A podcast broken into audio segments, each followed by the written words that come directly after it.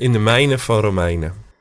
Paulus die schreef een brief die bepalend is geweest voor de loop van de wereldgeschiedenis. Een brief die ook wel de kathedraal van het christelijk geloof wordt genoemd. Een brief die erom vraagt om gelezen en herlezen te worden.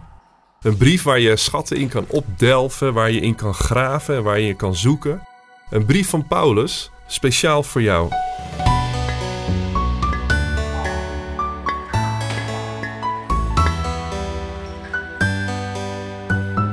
We gaan in deze podcast mijnen in Romeinen.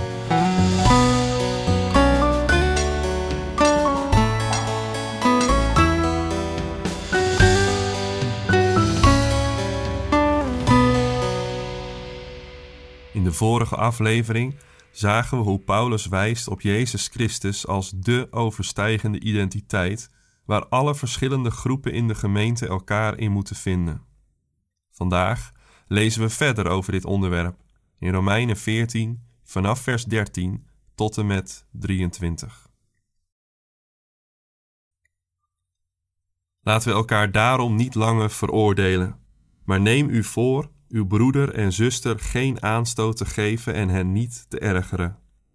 Omdat ik één ben met de Heer Jezus, weet ik en ben ik ervan overtuigd dat niets op zichzelf onrein is, maar dat iets onrein is voor wie het als onrein beschouwt. Als u dus uw broeder of zuster kwetst door wat u eet, handelt u niet langer overeenkomstig de liefde. Laat hen, voor wie Christus gestorven is, niet verloren gaan door het voedsel dat u eet. Breng het goede dat God u schenkt geen schade toe. Want het koninkrijk van God is geen zaak van eten en drinken, maar van gerechtigheid, vrede en vreugde door de Heilige Geest. Wie Christus zo dient, doet wat God wil en wordt door de mensen gerespecteerd. Laten we daarom streven naar wat de vrede bevordert en wat ontbouwend is voor elkaar. Breek het werk van God niet af omwille van wat u eet. Weliswaar is alle voedsel rein, maar het is verkeerd om iets te eten dat iemand aanstoot geeft. Vlees, wijn of iets anders waaraan uw broeder of zuster aanstoot neemt, kunt u beter laten staan. Uw overtuiging is een aangelegenheid tussen u en God. Gelukkig is wie zich niet schuldig voelt over zijn overtuiging. Maar wie twijfelt of hij alles mag eten, is op het moment dat hij alles eet al veroordeeld, want het komt niet voort uit geloof. En alles wat niet uit geloof voortkomt, is zondig.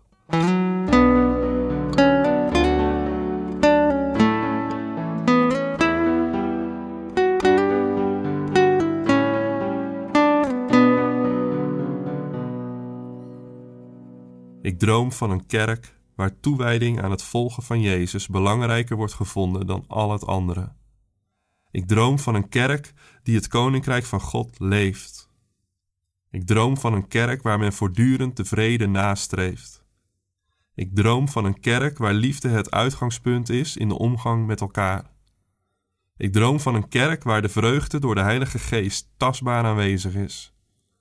Ik droom van de kerk die Paulus in ons gedeelte vandaag beschrijft. Maar ik zie vaak een andere kerk actief in de wereld.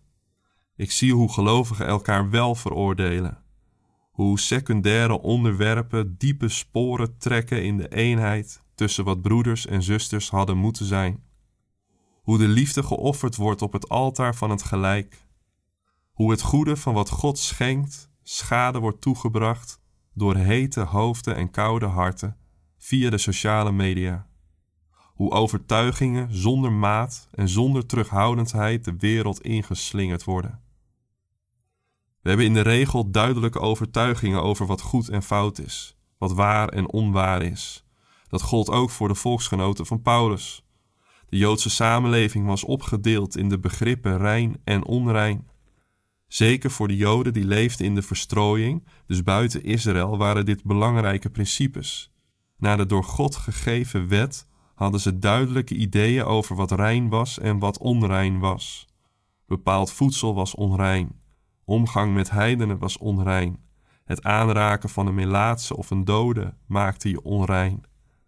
En Jezus stelde in zijn optreden deze onderverdeling nog wel eens op scherp. In Marcus 7 stelt Jezus dat niets van buitenaf in de mens kan komen dat hem onrein maakt. Het zijn de dingen die vanuit de mens naar buiten komen die hem onrein maken. In Handelingen 10 zien we hoe Petrus de opdracht krijgt om bij de Romein Cornelius te gaan eten. Voor de Jood Petrus was dit een ongelofelijke opdracht, maar God vraagt het. En Petrus verklaart in Handelingen 10, vers 28: God heeft me duidelijk gemaakt dat ik geen enkel mens als verwerpelijk of onrein mag beschouwen. Daarnaast had Jezus gezegd in de bergreden niet te oordelen, opdat er niet over jullie geoordeeld wordt. Op basis van dit onderwijs van Jezus stelt Paulus in dit gedeelte van Romeinen 14 dat alle voedsel rein is en dat we elkaar niet moeten veroordelen. Geen enkel mens is onrein en we mogen niet oordelen. Betekent dit dan dat we niet meer mogen zeggen waar we staan? Dat is een grote vraag. Waar onze overtuiging dienstbaar is aan de ander, mogen we die zeker in liefde overbrengen. Maar waar ons gelijk in secundaire geloofszaken de ander schade toebrengt, gaan we een brug te ver. Waar we het oordeel wat alleen aan God toebehoort naar onszelf toetrekken, gaan we een brug te ver. Het Nieuwe Testament laat voortdurend zien evenveel waarde toe te kennen aan waarheid, heiligheid en gehoorzaamheid, als aan eensgezindheid, liefde en genade. Waar we deze niet in evenwicht houden, verliezen we ons in wetticisme of in nietszeggende vrijzinnigheid. Wat betekent het dat we geen enkel mens als onrein mogen beschouwen?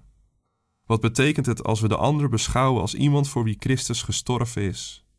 Wat betekent dat voor je omgang met je homoseksuele broeder of zuster, met transgenders in de gemeente? Wat betekent het als niets van buitenaf de mens onrein kan maken, maar wat van binnen naar buiten komt wel? Wat betekent dat voor wat je zegt, voor wat je schrijft over anderen op de sociale media? In hoeverre ben je er zelf op gericht om andere christenen niet te beschadigen met de vrijheid die je voelt, in de relaties die je kiest, in de dingen die je doet? In geloof is alles geoorloofd, maar niet alles is nuttig, zegt Paulus ergens anders.